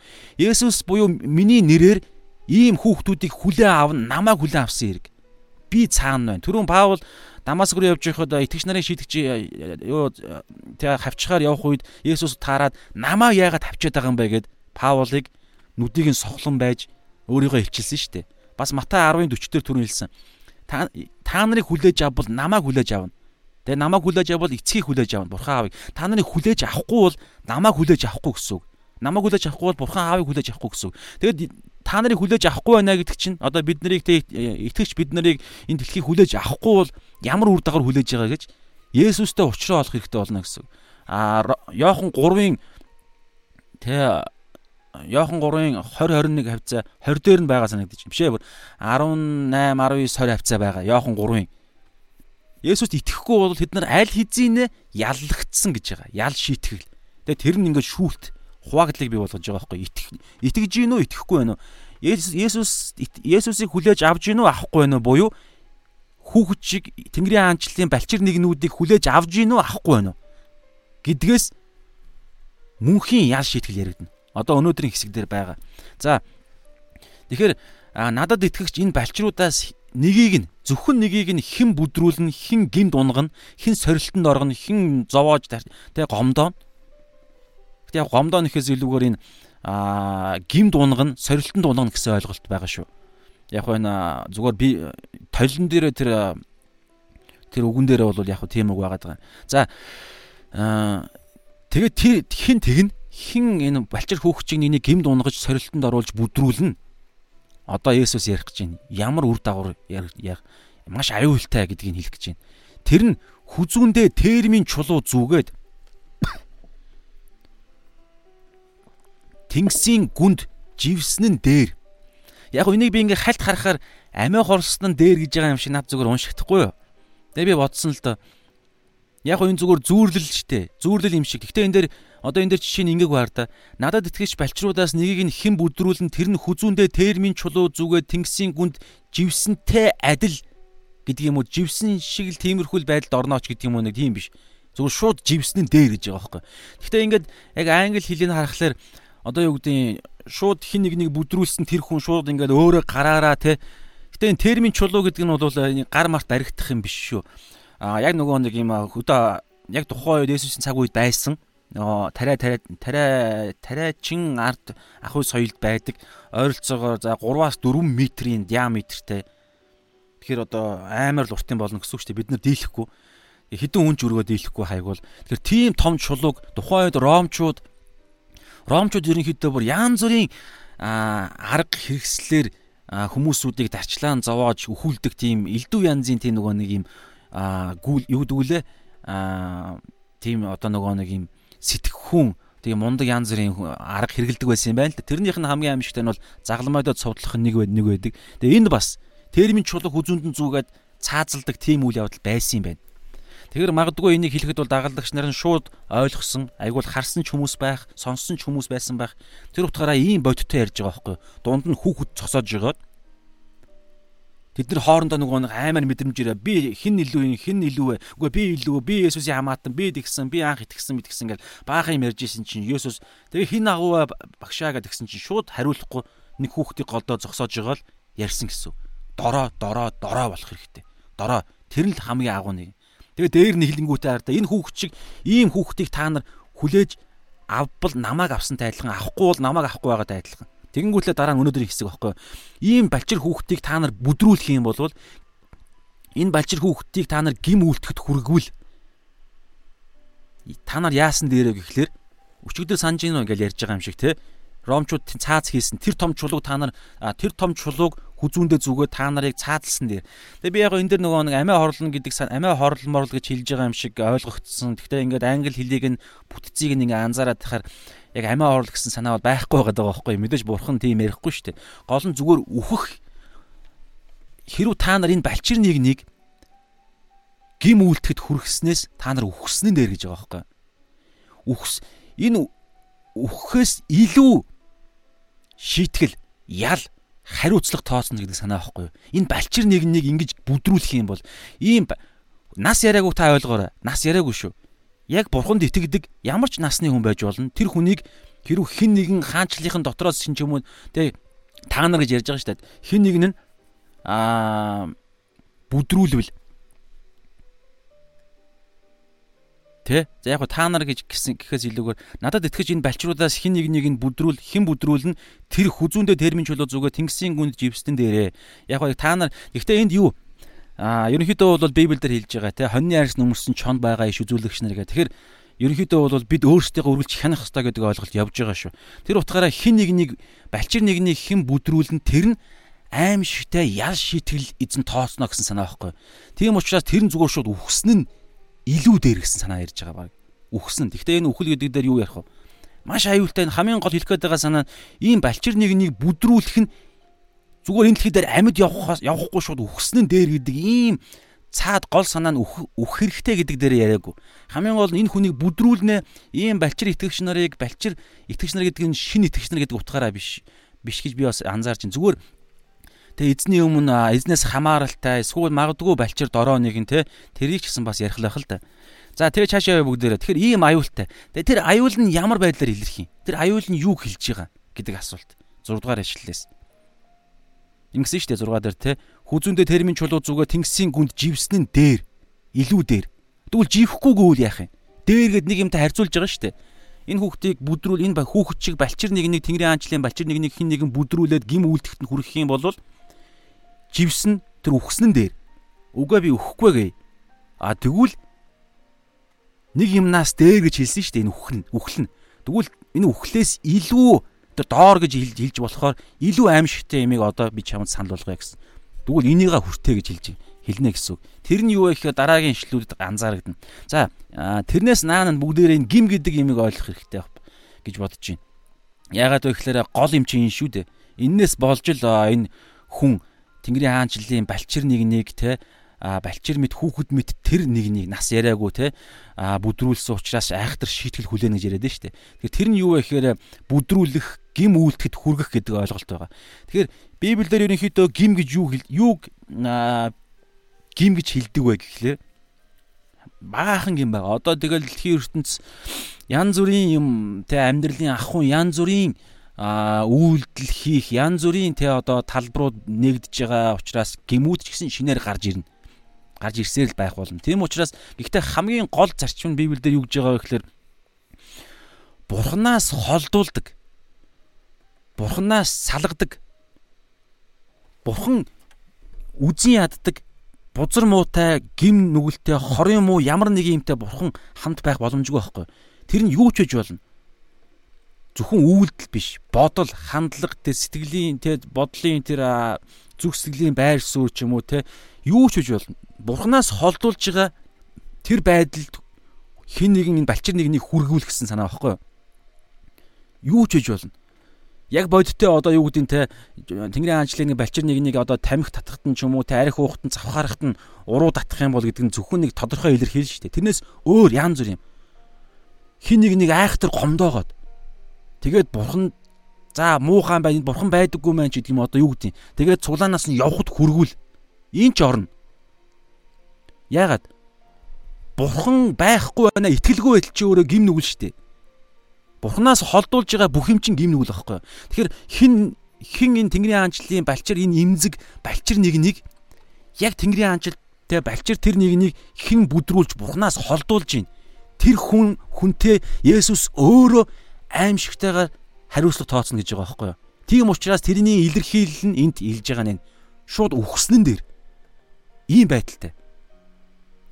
Тэгэхээр шууд үхэх гэж байгаа юм биш шүү дээ. Гимшил ярина шүү дээ мэдээж. Гимшээд эргээд нөгөө хүний араас яваад гимш гимшиг гэдэг чинь тодорхой үйлдэл ярина. Тийм учраас ийм айхтар шийтгэл байгаа учраас та нар балчир нэгнийг бүдрүүлэхгүй төлөө одоо дараагийн зүйлсүүдийг хийн. За бүгдээрээ харъя. Тэгэхээр 7 дугаар ишлэл дээр бүдрүү бүдрүүллийн улмаас тэ гим нүгэл сорилтын улмаас ертөнц ертөнц золгүй. 7 дугаар ишлэл дээр хоёр золгүй гэдэг үг байгаа. Англи дээр бол woe to day гэдэг үг байхгүй юу?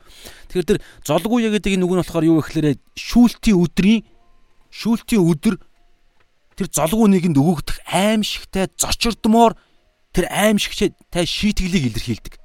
Бүр зочирдмоор төсөөлхийн аргагүй шийтгэл шийтгэлийг энэ woe түүдэ буюу золгүйе гэдэг тэр үгээр илэрхийлдэг. Тэгэхээр энэ дээр 7 дугаар ишлэл дээр хоёр золгүйе гэдэг илэрхийлж байгаа. Нэгдүгээрт энэ дэлхийн ертөнцийг хэлж байгаа. Дэлхийн ертөнцийн тогтолцоо. Энэ дэлхийн ертөнц угаасаа тэ бузар муугийн 2 дугаар Коринт 4-ийн 4 дээр байгаа юу лээ?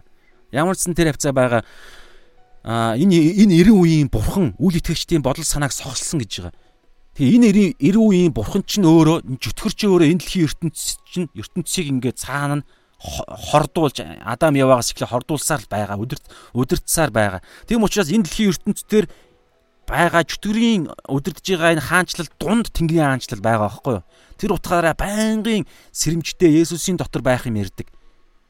Есүсийн дотор боол байх гэдэг юм ярьдаг. За тэр яг хуу тэгэнгүүтлээ одоо энэ дээр ярьж байгаа энэ дэлхийн ертөнцийн өөрөө хаанчлалын хүмүүсүүдийн эсрэг сорих сорих хаанчлалын хүмүүсүүдийн эсрэг тулалдах, бүдрүүлэх, гимээр гимээр уруу татах тийм тогтолцоотой байхгүй юу. Тийм учраас энэ дэлхийн ертөнц чи угаасаа эзний хоёр дахь ирэлтийн шүүлтээр энэ дэлхийн ертөнц чинь устж үгүй болно. Үхэл хүртэл үгүй болно. Чөтгөр сатан хүртэл мөнхийн галтнуурд гинжлэгдэх болно. Аа шатах болно. Тэр утгаараа энэ дэлхийн ертөнцийг угаасаа эзэн золгүй шүүлтийн өдөр та нарт энэ дэлхийн ертөнц дээр чөтгөр дээр сатан дээр чөтгөрүүд дээр аимшигтай шийтгэж шийтгэл ирэх болно гэдэг Есүс одоо энэ 7 дугаар ишлэлээр хэлж байна. Хоёрдугаарт нь ямар ямар зүйл золгүй яг хэлж байгаа гэхээр энэ дэлхийн ертөнц угаасаа тэгдэг дэлхийн ертөнц. Харин дэлхийн ертөнцийн утсан хүүхэлдээ нь болж хэрэглэгдэх тэр хүн бас золгүй я гэж байгаа байхгүй. Юу гэвэл бүдрүүлэл эрхэн зайлшгүй бөгөөд харин бүдрүүллийг гүйцэлдүүлэгч тэр хүн золгүй. Тэр хүн хаан байх магадaltaй гэж Библиэлд эзэн өөрөө байн хэлж байгаа Есүс. Чуулганд хүртэл байх. Хоньны айрс нүмерсэн чоннор орж ирнэ гэж байгаа чуулганаас гадна байхаараа ихэвчлэн итгэгч нар бүдрэхтэй гайгүй штэ. Чуулган дотор аимшигтайгаар бүдэрдэг аахгүй. Тийм учраас энэ бүдрүүлэгч бусдыг бүдрүүлэгч нэгний дүр итгэгч нараас үл итгэх юу жинхэнэ итгэгч биш хүмүүсүүдээс өөрийгөө мэхлэгч нар гэж байгаа. Түрүүн хэлсэн 7-гийн 21 дээр байгаа эзэн минь эзэн минь гэсэн болгон тэнгэрийн хаанчлалд орохгүй номлодог гайхамшиг үйлддэг үйлчлдэг хүмүүсүүдээс Тэр чин гол юм нь биш. Эзний бурхан аавын хүслийг үйлддэггүй бол ёс бусыг үйлддэг бол тэдгээр хүмүүсүүдээс хүмүүсүүдээс чуулганаас гэсэн үг байхгүй юу? Эцсийн тэр өдөр олноороо гэдэг үг байгаа. Та 7 дугаар бүлгийн 21 20 хавцаа 21 22 23 хавцаа та уншаарай. Өөрийгөө мэхлэгч гэдэг гачиг дор байгаа. Энэ чуулганаас шүүлтийн өдөр олноороо бурхан Есүс өөрөө хэлж байгаа. Олноороо өөрийгөө итгэгч гэд сайхан авралаа хүртэх очсон чинь эзэн би чамайг хизээж танихгүй байна. Ёс бусыг үйлдэж та нар надаас зайл гэж хэлнэ гэж байгаа байхгүй юу? Юу вэ зэ би таны нэрээр номлосон таны нэрээр гайхамшиг үйлдсэн чөтгөрүүдийг хөөсөн штэ. Юу вэ би зөндөө хүмүүсүүдийг авралт ирсэн, чуулган барьсан, чуулган тарьсан. Би чамайг юусоо танихгүй байна гэж хэлнэ гэж хэлсэн. Та Матай 7-гийн 20-оос 20 21 хавцаа уншаарай байгаа. Яагаад? Тэр үйлчлэл чинь авралт хүргэдэг байхгүй юу? Тэр таны нэр бидний нэр хүн тамаа байхгүй номлож гинүү яаж гинүү би бурхан аавын хүслээр амьдарж гин үү? Эсвэл чөтгөрийн хүслээр амьдарж гин үү? Чөтгөрийн хүсэл нь яаж илэрж байгаа юм? Энэ дэлхийн ертөнцийн араас нь үхэн хатан яваад байгаа энэ амбиц, мөнгө, санхүү энэ юу юу ярих вэ? Сайхан те одоо шунал мунал бүх юм орно. Тэгэхээр тийм учраас чуулган дотор айхтар бүдрүүлэл байгаад байгаа байхгүй. Тэр утгаараа би бас өчтөж илүү хуваалцсан. Америк Америкийн чуулганыг унгааж чадсан чөтгөр Монголыг унгааж чадах байхгүй. Америк те сэргэн мандлын сайн мэдээ мэдээ гэж яриад байгаа. Мөнгөтэй итгэж хүн болгон баян байх хэвээр өвдөх ёсгүй мосгүй. Одоо би зүгээр заримдаа харддаг хотын тэ нилээн гайгүй одоо би заримдаа илийдэж хэлмээр санагддаг байхгүй. Нилээн гайгүй гайгүй тэ хэрэглээтэй шуулганы хүмүүс дотор би тэглээгээд юу гэдгийг сайн юм хэрэглэх юм уу гэж хэлээгүү. Тэгэхдээ гол зүйл нь гол биш зүйлээс харагдахгүй байгаа байхгүй хамгийн гол нь. Яг гол зүйл нь юу юм? Өдөр бүр өөрийгөө өгүүлээ өхүүлээ загалмайгаа өрөөд намайг даг а Мата 6:33 дээр Бурхны хаанчлал зүвт байдлыг хай тэгвэл нэмж өгнө. Тэгэхээр тэр нэмэх нь хамаа байхгүй. Бурхны хаанчлал зүвт байдлын төлөө явж байгаа, бусдад өгж байгаа, эсвэл өөрөө машинтай мөртлөө машинаа сайжруулах сайжруулах дээр боддгоо. Хэрвээ тэгж боддог хин нэгэн итгэгч нар байвал би муу муу ямар нэгэн хараал мараал болно тий одоо юу гэдгийг тамд орно шилээгүү. Тэгтээ тийшээ оруулах үрхэн цаана нуугдж байгаа байхгүй юу? Мөнгөний шунал гэдэг чинь зүсэн бүрийн бузар муугийг цаана авчирдаг мөнгөний шунал ч аимшигтэй. Мөнгө а тэ алдар нэр эмхтэй хүн гэдэг нөгөө ноён нуруу хугардаг гурван юм зүйлмөл гэж яриад байгаа. Тэр утгаараа энэ дээр ярьж байгаа. а чуулган дотор хүртэл чуулган дотор тэр тусмаа сатан илүү нарийн илүү хамаг анхаарлаа тэнд хандуулж байгаа байхгүй. Тийм учраас бид сэрэмжтэй байгаад эцсийн тэр өдөр өнөөдөр би өгөх юм бол миний хувьд эцсийн өдөр болно шүү дээ. Гэтэл би тэр өөрийгөө мэхлэгчдийн нэг нь байвал яах юм бэ? Та байвал яах юм бэ? Тэгээ эзэн ингэж хэлсэн чи эзэн те Юу вэ? Инх тайвнаа, юу вэ? Батаад оржод улмаа. 2000 чамаас төрхөөс чинь 2000 жилийн өмнө би матагаа дамжуулан энэ 7-гийн 21-д дамжуулан би хэлсэн шүү дээ. Эзэн минь эзэн минь гэсэн тэр үйлчлдэг номлодог хүмүүсүүд орохгүй. Бурхан аавын хүслийг үйлддэг аа тэг хүн буюу чөтгөрийн бузар мууг үйлддэггүй бурхан аавын хүслийг үйлддэг хүн л орно гэж би 2000 жилийн өмнө та нарт хэлсээр байтал хүмүүс номлосоор байтал та нар яагаад бузар мунгаа үйлдэхийг сонгосоор байсан юм бэ гэж хэлээл одоо энэ дээр ярьж байгаа. Мөнхийн гал гэж ярьж байгаа. 8 дугаар ишлэл гар чин эсвэл хөл чин чамааг бүдрүүлвэл тас чавчиж хай. Хоёр гартайгаа эсвэл хоёр хөлтөөгөө мөнх гал таягдсанаас гаргүй эсвэл хөлгүүгээр аминд орхон дээр мөнхийн гал яригдж байгаа байхгүй юу? Танд хайртай учраас л яриад байгаа шүү дээ. Одоо юу гэдэг бодиттой ийм хатуу үнэн байгаа учраас надад ч гэсэн. Тэгэхээр Монгол чуулган зүгээр тэр юу гэдэг юм Миний бодлоор бол Монгол чуулган дээр нэлээд аа айхтар тийм өрх өрхөнд орцсон явж байгаа. Би зүгээр гадарладаг юмудаа гадарлана. Дамаа өдөрдөгч нарын дунд. Харамсалтай зүгээр. Гэтэ би нарийн мэдэхгүй байна. Эзэн өөрөө мэдж байгаа байлгүй. За тэгээд тийм учраас ингэж байгаа 7 дугаар эшлэл дээр те юу гэвэл бүдрүүлэл ирхэн зайлшгүй бөгөөд харин бүдрүүлэлийг гүйцэтгүүлэх чинь золгүй гэсэн. За 8 дугаар эшлэл дээр. Тэр золгүй ямар золгүй? Яагаад золгүй? Тэгээд ямар эзэн одоо энэ гарцыг зааж өгж байгаа юм? Энэ маш чухал. 8 дугаар эшлэл за цаг мөлөө явж явах чинь. За ингэж байгаа. Гар чинь эсвэл хөл чинь чамааг бүдрүүлэл буюу гим нүгэл яг англи хэл дээр King James дээр байгаа нүгэл үйлдэхэд хүргүүл гэж байгаа. Бүдрүүлвэл гар чинь эсвэл хөл чинь чамааг бүдрүүлвэл тас жавчиж хай. Тастаад өөрөөсөө хайж явуул. Хай бүр юучгүй буцаж авахгүйгээр хай гэж. Хоёр гартайгаа эсвэл хоёр хөлтөөгөө мөнхийн галд хаягдсанаас тэр хаягдсан гаргүй хөлгүүгээр мөнх аминд орох гэдэг үг чухал шүү. Орсон нь дээр гэж ярьж байгаа. А Орсын оноо соглон доглон моглон явахгүй шүү дээ. Орсын оноо гайхалтай алдрын биеийг авна. Гэхдээ тэр орохын тулд ийм ярьж байгаа. Хоёрдугаарт 9 дугаар ишл нүд чинь чамайг бүдрүүлвэл буюу гим нүгэл хийхэд хүргэжийвэл нүдээ ухаж аваад хай. Эхлээд ухаж авна. Хайна хоёр нүдтэйгээ там галт тамд хаягдсанаас өрөөс нь нүдтэйгээр аминд орхон дээр. За одоо энэ дэр жоохон тайлбар маш сайн тайлбар хийхгүй бол хүмүүс буруугаараа ойлгоод шууд шууд утгаараа ойлгоно гэсэн үг те. Тэгэхээр энэ дэр бүгд харъя. За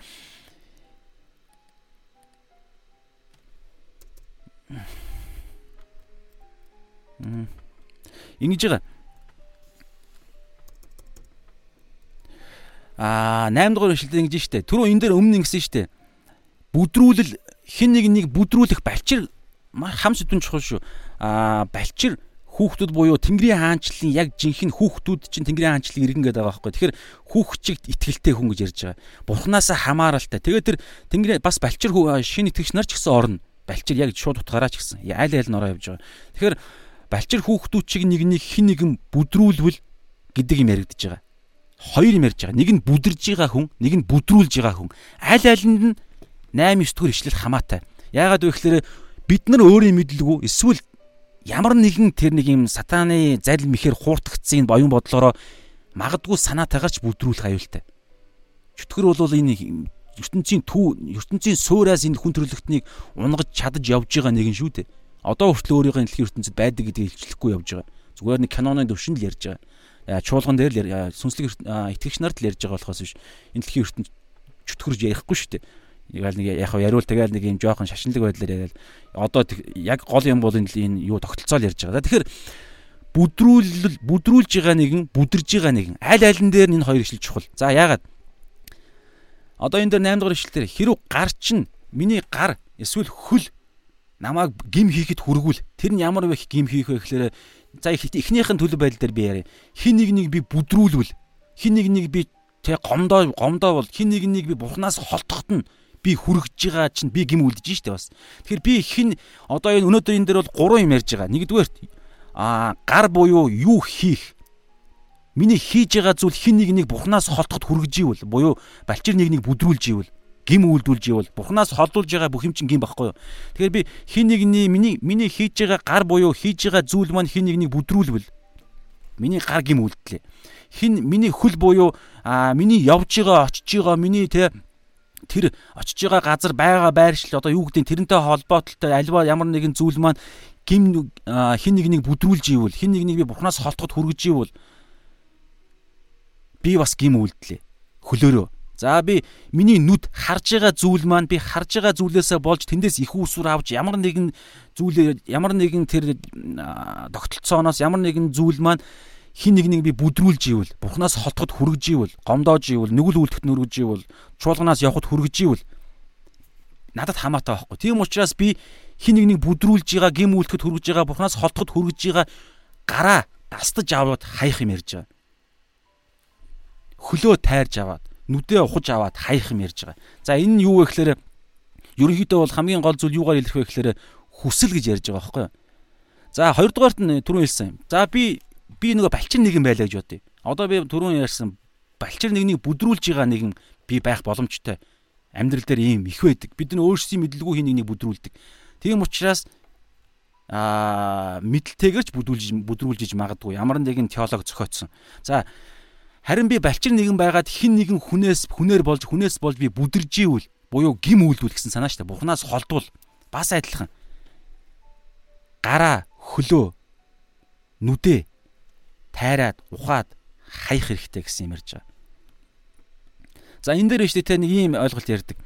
Аа А түрүүн би нэг орох гэдэг дээр нэг юм ярмаар санагдлаа. Гим үйлддэг, гим үйлдүүлдэг гар, хөл гим үйлдүүлдэг. За одоо бид нар маш бодиттой бодуулахын тулд эзэн ийм тодорхой илэрхийл хэлж байгаа шүү дээ. Яг гим үйл хүн болгон гим үйлддэг шүү дээ. Тэгэхээр та яг гим үйлддэг үеэ та бодоорой.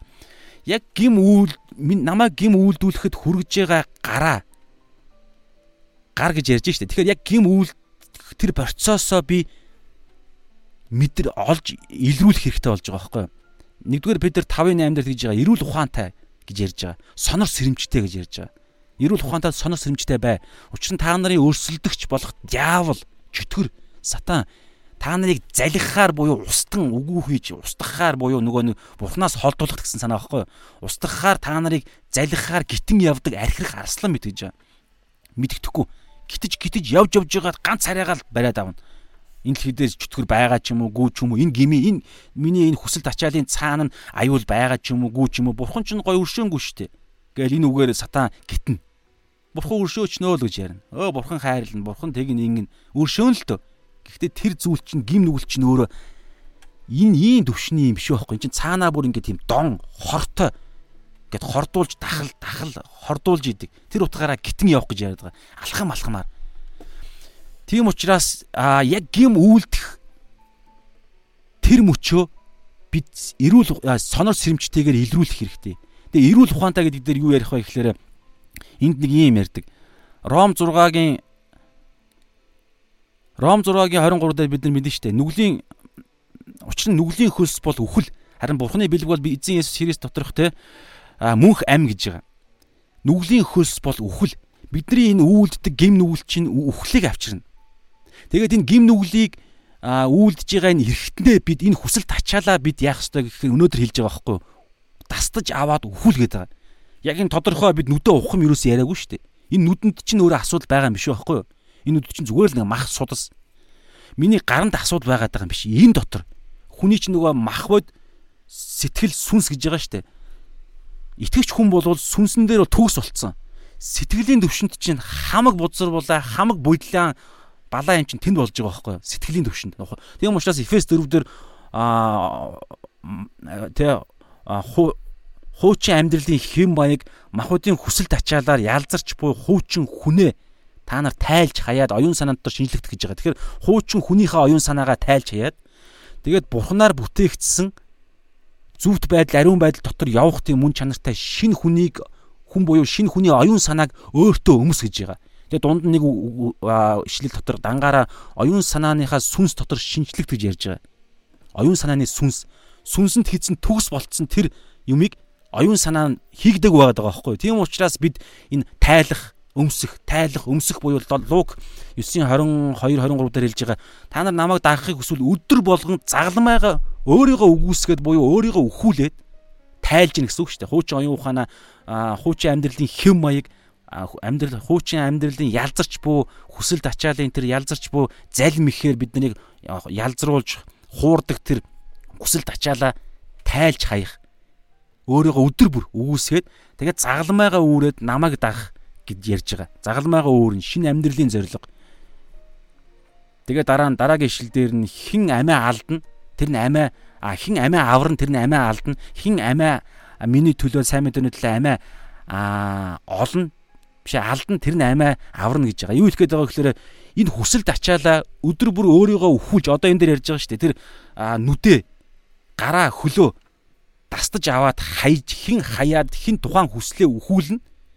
Тэр нь яг тухайн хүслийг чинь оршиж байгаа талбар гэж байгаа шүү дээ тэр талбар дээр бурхнаар бүтээгдсэн шинэ хүсэл орж ирэх байхгүй юу? Тэрийг авах чинь ам яриад байгаа. Одоо жишээ нь юу байж болох вэ? За одоо цааш явъя бүгдээ. Тийм учраас гараа хөлөө дастаад хай гэдгийн цаана тэр хүслээ яг тухайн үед нь олж илрүүлээд үхүүлэх. Үхэл чи өвдөлт мэдэрнэ үсттэй. Үхэл заавал өвд чи мэдэрнэ. Тийм учраас тухайн хүслээ заавал үхүүлнэ. Яагаад үхүүлэх ёстой юм? Түрүүн Ром 6-гийн 23 дээр үлээ нүглийн хөлс бол нүглийн шийтгэл бол үхэл гэж байгаа. Энэ нүгэл намайг үхэлд хүргэнэ.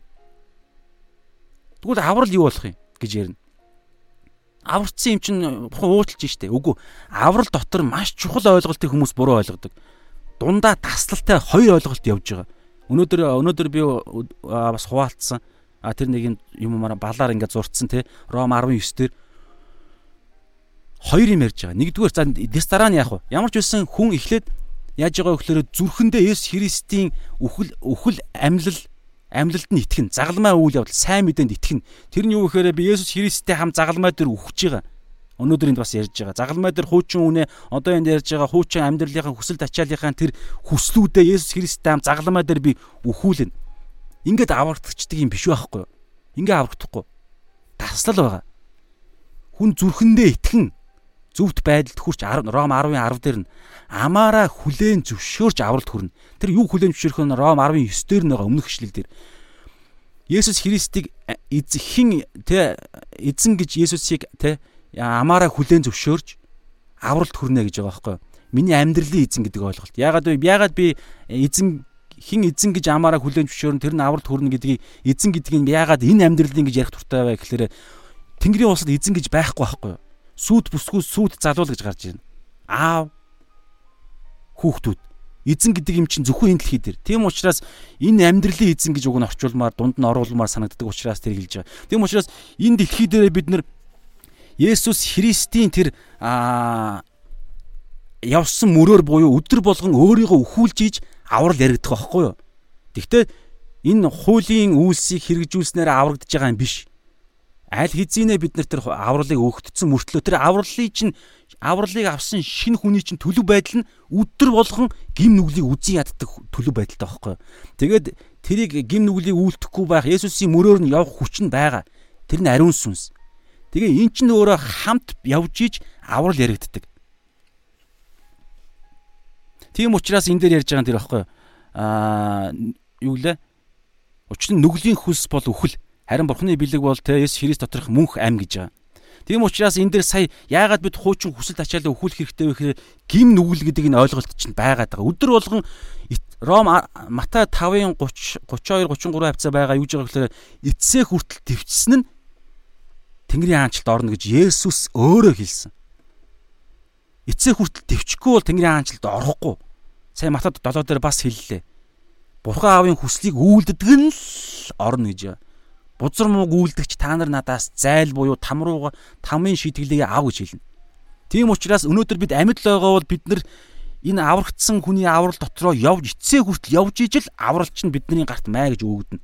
Дундаас нь бид бүдрүүл нөгөө Паул хэлсэн шүү дээ. Би уралдаанаа дуусгасан, барайндаа орсон, итгэлээ сахисан гэж хэлсэн. Хэрвээ Паул итгэлээ сахиагүй бол аврал ярихдаггүй байхгүй да. Тийм учраас тэр толгоогоо завчуулж өгсөн Паул тэр хүртлээ итгэлээ сахисаар байсан учраас Паулд аврал яригдчихэж байгаа. Өнөөдөр биднэрт ч гэсэн ялгаа байхгүй. Тийм учраас хоёр эзэн гэж ярьдаггүй, цорын ганц нарийн зам гэж ярьдаг. Хэрвээ ингэж явбал яана гэж дэлхийн ертөнц биднийг хараад вау, ярддаг шиг амьдрдсан байх. Вау, хайрлна гэж хэлчихэд хайрлж байна. Хүүх гим нүглийн сорилд орж ирэхэд мөнгөө авилга санал болгосон чи авахгүй байна. Яагаад? Би авралаа халдмааргүй шүү дээ би энэ нэг мөнгнөөс болж би энэ эмэгтэй үнээс болж би энэ нэг алдар нэрээс болж би авралаа мөнхийнхээ гайхалтай амьдралаа алдах юм уу? Үгүй.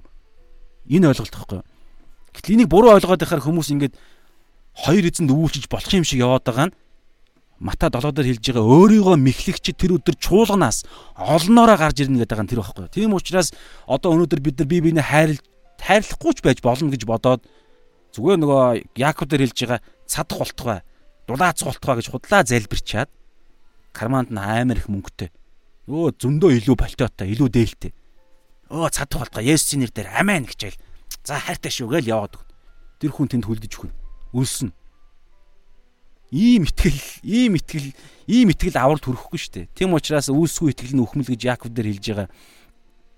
За тэгэхээр иймэрхүү юм ерөөхдөө яриад байгаа учраас энэ дээр тийм учраас энэний чинь наан бодиттой нөгөө нэг практик а практик нөгөө нэг ажилбарууд хэрэглэн хэрэгжүүлэлт нь энд гарч байгаа нь энэ багхгүй. Авралын төлөө энийг хийж гинэ л гэж ойлгочих ерөөхдөө бол юу намайг гим үлдэхэд хүргээд байна. Тэр хүслээ бид өхүүл өхүүлэх ёстой. Яг өвдөлтөө мэдрэн. Яг одоо би за би завхаар завхаарлаар яриад. Яг одоо би энэ гар хангалгыг, яг одоо энэ би порно, яг одоо би энэ эмхтэй үнт унтмаар байна. Ёстой энэ дотор энэ нөгөө нэг доодох маань бүр шатаад байна. Эсвэл өөр юу хийж болох вэ? Гэтэл тэр хүсэл ингээ оргилоод байгааз амьд байна штэ. Өхүүлэх ёстой. Өхүүлээ. Яа хэцүү байна штэ. Мөнхийн тамд байх тэр орилооноос тамд зовхоос илүү хэцүү хэцүү гэж юу? Болчих болно штэ Тэгээд энэ тийм учраас тэгээд энийг болох хүч нь юу байгаа гэж Ром 8-ын 4-дээр хэлж байгаа. Та нар сүнсээр яв. Тэгвэл махуудын хүслийг махуудын тэг хүслийг та нар өхүүлж чадна. Сүнсээр яв. Тэр нь юу гэж? Би энэ нэг юм гим нүгэл үлдэх энэ завхаарах те энэ бузар муу хийх хүсэл чинь зөвхөн би биш байхгүй? Миний дотор шин бүтээл байгаа. Тэр нь юу юм? би сүнслэг те юу гэдэг номлол сонсох сүнслэг те гоё нөхөрлөл сүнслэг зүйл хийх үедээ энэ саяны яриад байгаа нэг энэ амар оргилж байгаа энэ хүслээ чинь хүсэл чинь дарагдж байгаа та анзаарах болно та хараарай. Анзаар дарагдана. Баг багаар энэ орилоо намд нь үхэн.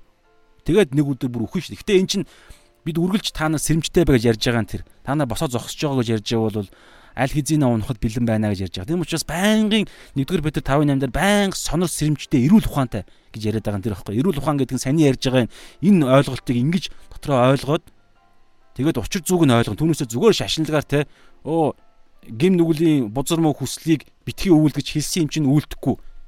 Яагаад үйлдэхгүй юм? Үйлдвэл яах юм? Юу ч мэдэхгүй байж байгаа нэг нэг бол хэн ч энийг хийхгүй. Яагаад? Тэр гим нүгэл чинь гоё штэ. Гоё мэдрэмж төрүүлдэг үстэй. Гэтэл энэ гоё мэдрэмж чинь цаана аюултай намайг ална, намайг аимшигтай байдалд оруулна гэдгийг хүн мэдчих юм бол хичнээн одоо юу гэдэг юм яг өхөлтэй нүр тулж байгаа юм бол те магадгүй хор тавдар туссан бол тэ амьдрахыг хүсэж байгаа юм бол тэр кофе ч юм уу юун ч үдэ хар тамхин ч юм уу юун ч үдэ тэр нэг арх марх тамхин намайг хордуулна гэж мэдх юм бол амьдрах хүсэл нь энэ тамхиг татах хүслээс энэ бузар мууг тэ хар тамхи ч юм уу юу ч үдэ тэрийг хийх хүслээс илүү хүслэн цаана байж иж энэ бузар мөг хаяа штэ. Тэг тэрний юу ярьж байгаа гэхээр сүнсний хүсэл аахгүй. Ариун сүнсээр явах. Тийм учраас сүнслэг зүйлийг хийгээд Библийг судлаад ингээд тэ одоо аа нөхөр итгэгч нар хоорондоо тийм учраас чуулган дээр ариун хүмүүсийн нөхөрлөл чинь асар том боломж واخхой. Гэтэл тэрийг өөрөөр ашиглаж байгаа тохиолдолд тэгээд гой боломжоо алдж байгаа гэсэн санаа. Ганцаараа тулдахд хэцүү. Харин үеийн залуучууд хоорондоо ярилцж байгаад яавал бид нар гар хангалга хийхгүй байх вэ? Яавал бид хар тамхи татахгүй байх вэ? Яавал бид те одоо юу юу байх вэ? Те тамхи татахгүй, арх уухгүй, те ховж юу байхгүй, уурлахгүй, үзэн ядахгүй байх вэ? Яавал бусдыг шүүхгүй байх вэ ч юм? Энд дээр ингээд мундаг сүүлийн үе нөгөө зэд үеийн ч юм уу, юун ч юм уу те сууж байгаад хоорондоо энийг ярилцвал хараараа хоёр ба түүнээс дээш хүн миний нэрэн дор санаа нэгдвэл би тэнд чинь тэнгэрийн цонхыг нээн. Тэнд юр усан юм а би хийн гэдээ эзэн амлцсан шүү дээ. Тэгээ газар дээр юу холбон тэр нь тэнгэрт холбогдно газар дээр юу тайлан тэр нь тэнгэр тайлагдана гэд. Тэгэхээр ийм гоё уг нь амьдрал байгаад байгаа байхгүй. Гэтэ иймэрхүү зүйл хүрхийн тулд бид аюулуудаа ойлгох хэрэгтэй. Энд дэр маш тодорхой Иесусийн ярьж байгаа аюул бол хэлж штэ. би гараа алдмааргүй байна. Би хоёр бүтэн биетэй баймаар байна. Би энэ хүслээ, энэ бузар муу хийх хүслээ би алдмааргүй байна. Энэ гоё штэ. Та уучилдаг бурхан бидтэй. Нэгүүлсэнгүү үсттэй. Та намайг уучлаа штэ. Би яг танд итгэдэг. Тийм тийм чинь та энэ энэ энэ бузар мууг над зөвшөөрнө штэ те. Тэнгүүт нь бодол дотор нь чөтгөрнө айгу бол тийм ээ зөвшөөрнө. Бурхан би чамайг уучлаа минийхөө гэж хэлчихнэ айгу бол. Бурхан уучлна. Гэхдээ энэ гим нүгэл чинь өөрөө тогтолцоо байгаа байхгүй. Бурхан энэ тогтолцооноос хальж энэ тогтолт бурхан худлаа ярьж чаддаггүй байхгүй. Бурхан шудраг бусцаан гаргах боломжгүй. Мөн чанар тэр 18 мөн чанарын дунд нь мөн чанар чинь хоорондоо оршихороо хизээч нэг нэгнийгээ зөрчилддөггүй. Тийм учраас бид бузар муу дотроо явж байгаад Есүсээс гарцсан явж гин гэсэн үг шүү дээ. Есүсийн дотор биш. Бузар муу үлдэж байна л гэдэг чинь. Есүсээс гарцсан бузар муу дотроо явж байгаа бол Бурхан хичнээн өршөөхийг хүссэн ч гэсэн шүүлтийн өдөр ярьж байгаа байхгүй би. Шүүлтийн өдөр Есүсийн дотор олдоогүй нэгэн байх юм бол үйлсээр нь шүүл штэ. Шүүлтийн өдөр хоёр дахь өдрийн шүүлт бол үйлсийн шүүлт гэж байгаа штэ. Бид нар бүгдээрээ үйлсийн шүүлтээр орно. Гэхдээ Есүсийн дотор байвал яана гэж Есүсийн дотор Есүс бидний өмнөөс үйлсийн шүүлтээр орно. Тэгэхээр яах вэ? Есүс нэг ч гим нүгэл үлдээгүй. Тэгэхээр бид нар Есүсийн дотор буюу өдөр болгон үз тарж байгаа гим энэ энэ хүслүүдээ гараа тэ нүдээ ухаж аваад гараа тайрж байгаа үйлдэл буюу өдөр болгон гим нүглүүдээ нүдэрээ үлддэг хүслүүдээ гараараа үлддэг хүслүүдээ баг багаар алхам алхмаар ялж байгаа ариун сүнсээр ялж байгаа буюу сүнсэн хүнээ хооллоод энэ махбодын хүсэл тачаалаа ялж байгаа тэр хүн чинь ингэж явж явж байгаа тэр хүн чинь эцсийн өдөр очихороо Есүсийн дотор байгаа нь олдох байхгүй. Юм бол бидний өмнөөс Есүс Есүсийн дотор байгаа учраас Есүстэй нэгдсэн буюу итгэлээрээ нэгдсэн те махыг нэдэж цусыг нь уусан ходоодонд орсон бит хоёр нэг болсон учраас загалмаа дээр би үхсэн гэсэн үг. 3 хоногийн дараа амьлахад би амьлсан гэсэн үг. Өдөр болгын үхэл амьлал, үхэл амьлал. За энэ дээр нэг юм ишлэл байгаа. 1-р Коринт 5-ын 1-р Коринт 15-ын 31 дээр үгж байгаа гэхээр Паул би өдөр бүр үхдэг гэж. Есүс Паул хэлсэн. Би өдөр бүр үхдэг. Худлаа яриад та амьд л биш үү? Яг үнэ.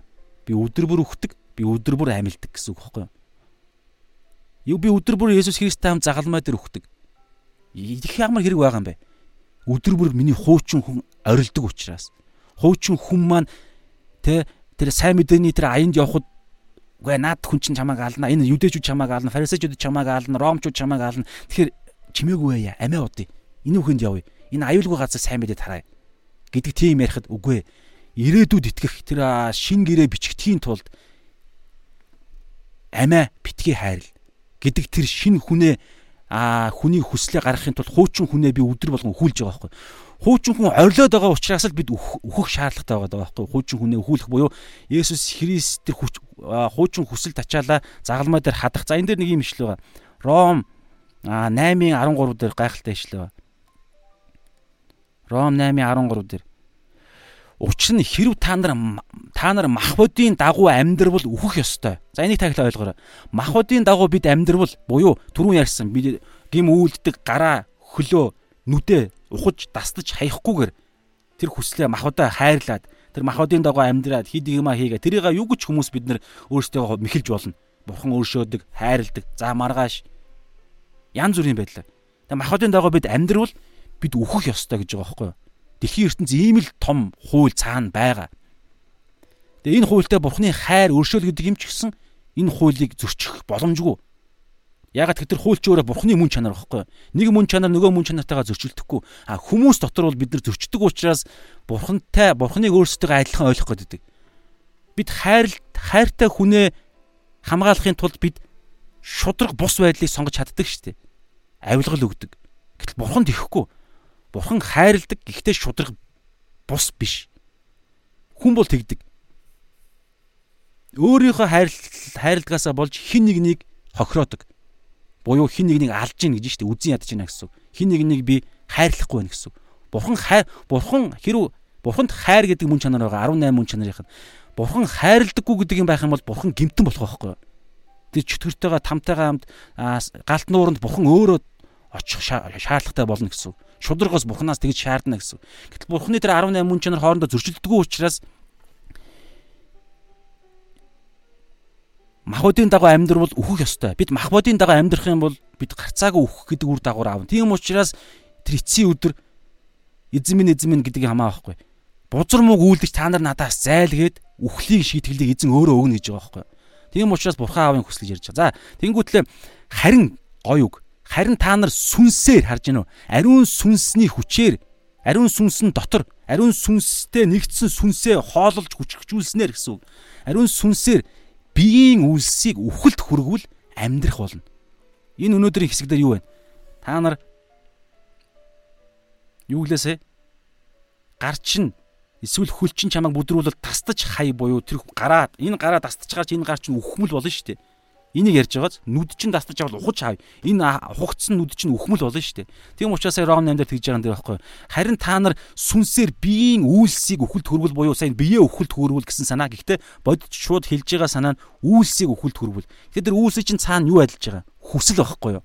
Энэ бузар мууг үйлс хүргэж байгаа бузар муугийг хүсэх хүсэл нь хүслээ үхэлд хөрвөл гэсэн үг. Хүсэл байхгүй болчвол үйлс цаашаа гарахгүй л гэсэн үг шүү дээ. Тэгэхээр ийм ярьж байгаа. За тэгээд ганц хоёр ишлэл уншаад яг өндөрлөө. Аа Галаад 2-ын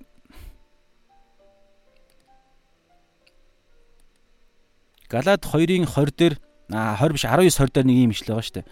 Учир нь бурханд амьд байхын бүх цаг хэтэрсэн үү? За одоо ялзуулчих. Одоо дүгнээд өндөрлөө зэмөрөө. Учир нь бурханд амьд байхын тулд би хуйлд хуйлаар өгсөн Бурхан дотор амьд байхын тулд Тэнгэрийн аанчлалын иргэд байхын тулд хизээ өхөн тодорхойгүй энэ дэлхий дээр бид үхээд үхээд сэрхэд бид Бурханыхаа амин дотор хаанчлал дотор амтайгаа олдож тамд зарчилж байгаа биш. Нөгөө баян Лазар те Лазар хүн баян хүний үтэй адилхан Лазартай адилхан Авраамийн үүр буюу тэр Деважинд Бурханы оршихуйд байхын тулд Бурханд амьд байхын тулд би хуйлд хуйлаар үхсэн. Энэ түрүүний яриад байгаа. Махуудын хүслүүдээ бид үхүүлж ижил сүнслэг ам яригдах байхгүй юу? Хуульд хуулаар өгсөн. Би Христтэй хамт цовдлогдсон гэж байгаас Есүс Христийн загалмай дээр цовдлогдсон цовдлолт чинь өнөөдөр биднэрт гайхалтай ертөнцийг нээсэн байхгүй юу? Боломж. Би уг нь үхэх ёстой. Түрүүн Ром 6-гийн 23 дээр нүглийн хөлс бол үхэл. Тэгэхээр би нүгэл үлдэж исэн би үхэх ёстой. Тэр үхэл нь ганц л үхэл ярьж байгаа. Үхсний дараах мөнхийн там. Мөнхөд үхэх үхэл, аимшигтай үхэл. Гэтэл тэрийг наана нь эзэн загалмай дээр хүч дахил болсноороо дахил болчихж байгаа юм. Тэнгүүтлээ бид итгэлээрээ түүнтэй нэгдэх буюу түүний махыг нэгдэж цусыг нь уух гэдэг ойлголт. Мах буюу түүний үгээр нь амьдрах, цус буюу тэр үгээр нь амьдрах хүч буюу цус чинь өөрөө сүнс аахгүй юу? Сүнс ам өгдөг гэж байгаа. А цуснд ам байдаг. Тэр утгаараа тэр махыг нэгдэх буюу үгээр нь амьдрах хүч нь өөрөө цус буюу ариун сүнс аахгүй юу? Тэгэхээр махыг нэгдэж цусыг нь уух буюу түүний ариун сүнсээр нь түүний үгийг нь үлдэж дуулууртай амьдрах гэдэг ойлголт. Тэгхийн болвол тэгээд цогц байдлаар түүний үхэлтэд нэгдэх гэдэг ойлголт. Итгэх гэдэг чинь нэгдэх гэдэг ойлголт ч тийм. Аа алгасан номон дээр ярьж байгаа гитлэлийн үйл явдал дээр бас гардаг. Аа за тэр яг. Тэгээд би бит хоёр нэг болчихж байгаа. Тийм учраас загалмай дээр шудраг ёс үхлийн хууль шүүлтийн өдөр юу гэх вэ гэхээр Есүстэй хамт инх тайван үхжээ. Эсвэл энэ загалмай дээр инх тайван үхжээ гэж яригдах байхгүй юу? Яагаад? Сүнсээр л явж ийж түрүү цусыг нь уурсан гэсэн үг. Махыг нь идсэн буюу үгээр нь л амьдарж ийж энэ нэгдсэн гэдэг ойлголт чинь яригдана. Түүнээс зүгээр л эзэн минь эзэн минь өө гой дуу муу цохоогоол ингээл та гой номл момл хийвэл тэр ярихдахгүй. Тийм шууд тийм мангар шудрагас энэ дэлхийн ертөнцид байхгүй. Сүнслэг ертөнцид тэр тусмаа байхгүй. Тодорхой энэ шийтгэлээ үүрж ижил ярина. Тэр шийтгэл нь юу вэ гэхээр би үүрэх ёстой байхгүй. Тэр нь загалмай дээр би үхэх ёстой. Аа, миний өмнөөс Есүс үхсэн. Би Есүсийн энэ үг үгээр нь амьдарч сүнсээр нь амьдрах үед би Есүстэй хамт үхсэн болно гэсэн. Тэгээ саяны үгээр нь амьдарч сүнсээр нь амьдрах гэдэг чинь өдөр болгон махбодийнхаа хүслүүдээ бид сая ингээл яг тэр хүслээ тухайн үед нь би яг дарж байгаа тастаж авах би өөрөө хөрөөгөр тасдах ёстой байхгүй юу?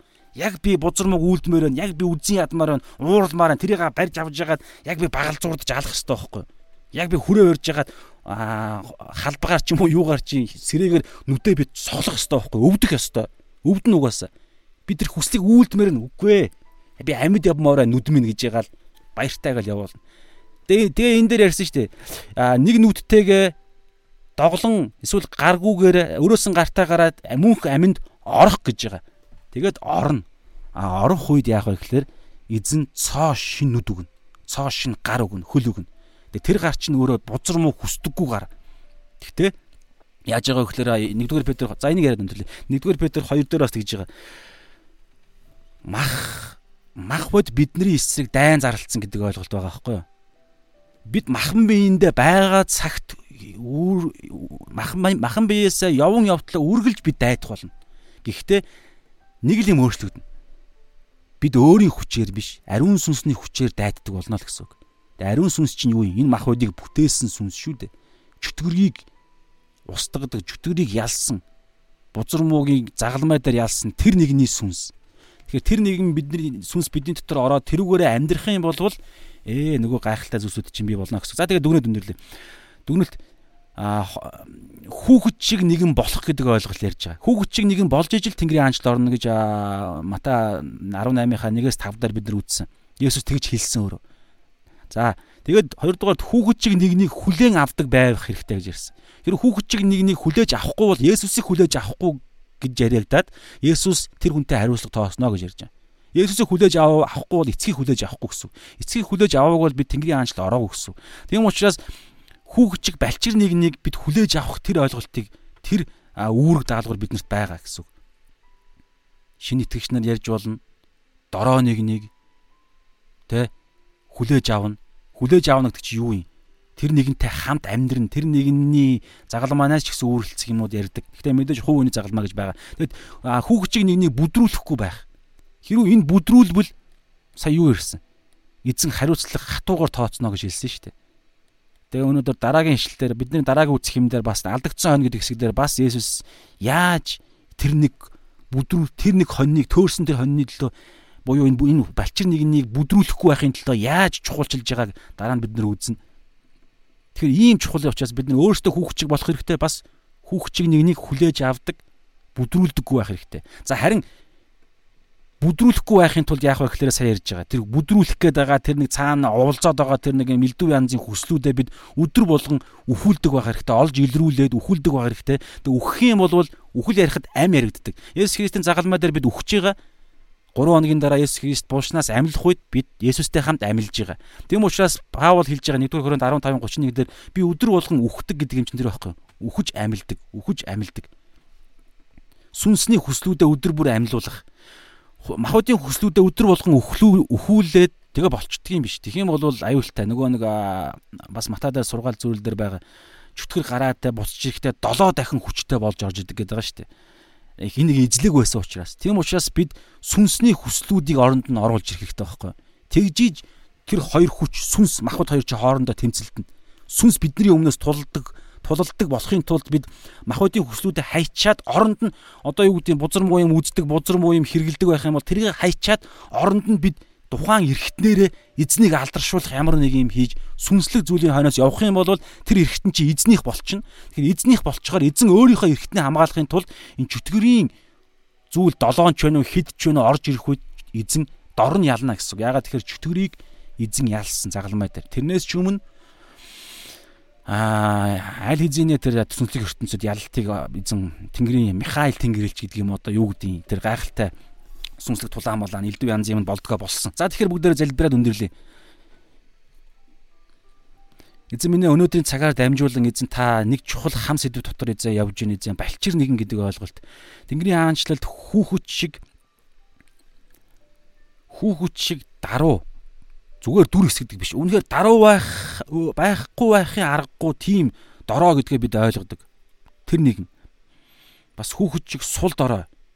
Тэг хүүхэд шиг бурхнаас дэндүү байнгын хамааралтай. Өнөөдөр бид нэр амьсгалахад агаар агаарын тэр хими уруул агаар агаарын дотор бурхан та оршиж байгаа. Тэгэхээр таньгүйгээр буюу тэр агааргүйгээр бид нар за том хөрөөс бол нэг 6 минут хэдэн секунд амьсгалсан сонсогдож ийсэн. Тэгэхээр 10 минут чинь дэлхий дээр амьдрах боломжгүй.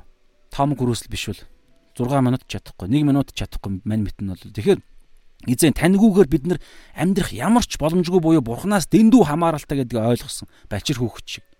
Тэгээд эзэн бид нар өөрсдийнхөө эрх зохиосон эрх амьдралын зорилгоор биш, Тэнгэрийн хаанчлалын зорилгоор амьдрах энэ зүйлийг ярьж байгаа эзэн минь балчир хүүхэд. Тэгэхээр энэ амьдрал эзэн минь бидний амьдрал бий болгохын тулд өдөр болгон эзэн бид бузар муу хуучин хүний махуудын хүнүүдээ бузар мууныг нэг загалмаа дээр өхүүлж харин таны амьдлалттай хамт ариун сүнсээр тань дамжуулан шин хүн, шин хүүхэд, шин бурхны охид хүүгүүд болон амьдрахыг хүсэж байна эзэн. Тэг өнөөдрийн зүгээр цагаар дамжуулан эзэн та бидэнд маш чухал аргачлал хэрэгжүүлэлтийг заалаа. Тэр нь юу вэ гэхээр гим нүгэл үйлдэх тэр хүслээ, хүслээ ариун сүнсний хүчээр Библийн үгээр багалзуудж байгаад дастан хаях, хөрөөгөөр дастан хаях тэр хүслүүдээ ухан хаях оронд нь яг тэр эрхтнэрээ цоо шин сүнслэг хүслүүдийг Библиас олж мэдээд хэрэгжүүлж амьдрах. Тэгээ энэ үйлдэлүүдийг өдөр болгон Лук 9-ийн 22-оос 23 дээр хэлсэн дагуу өдөр болгон өөрийгөө үгүйсгээд өөрийгөө өхүүлээд загалмайгаа үүрэх буюу Тэнгэрийн аанчлалын зорилгын дагуу амьдрах. Хуучин махуудын хүслээ өхүүлээд сүнслэг хүслээр амьдрах. Есүсний дээр амин. За энэ цагийн талаар талархын хамт байсан хүмүүстээ баярлалаа. Дараагийн цагаар дахин уулзтлаа баяртай. Цаг гисэн боловч дахиад хитэрлээ. Гэхдээ зүгээр байхаа гэж найдаж байна. За шалом.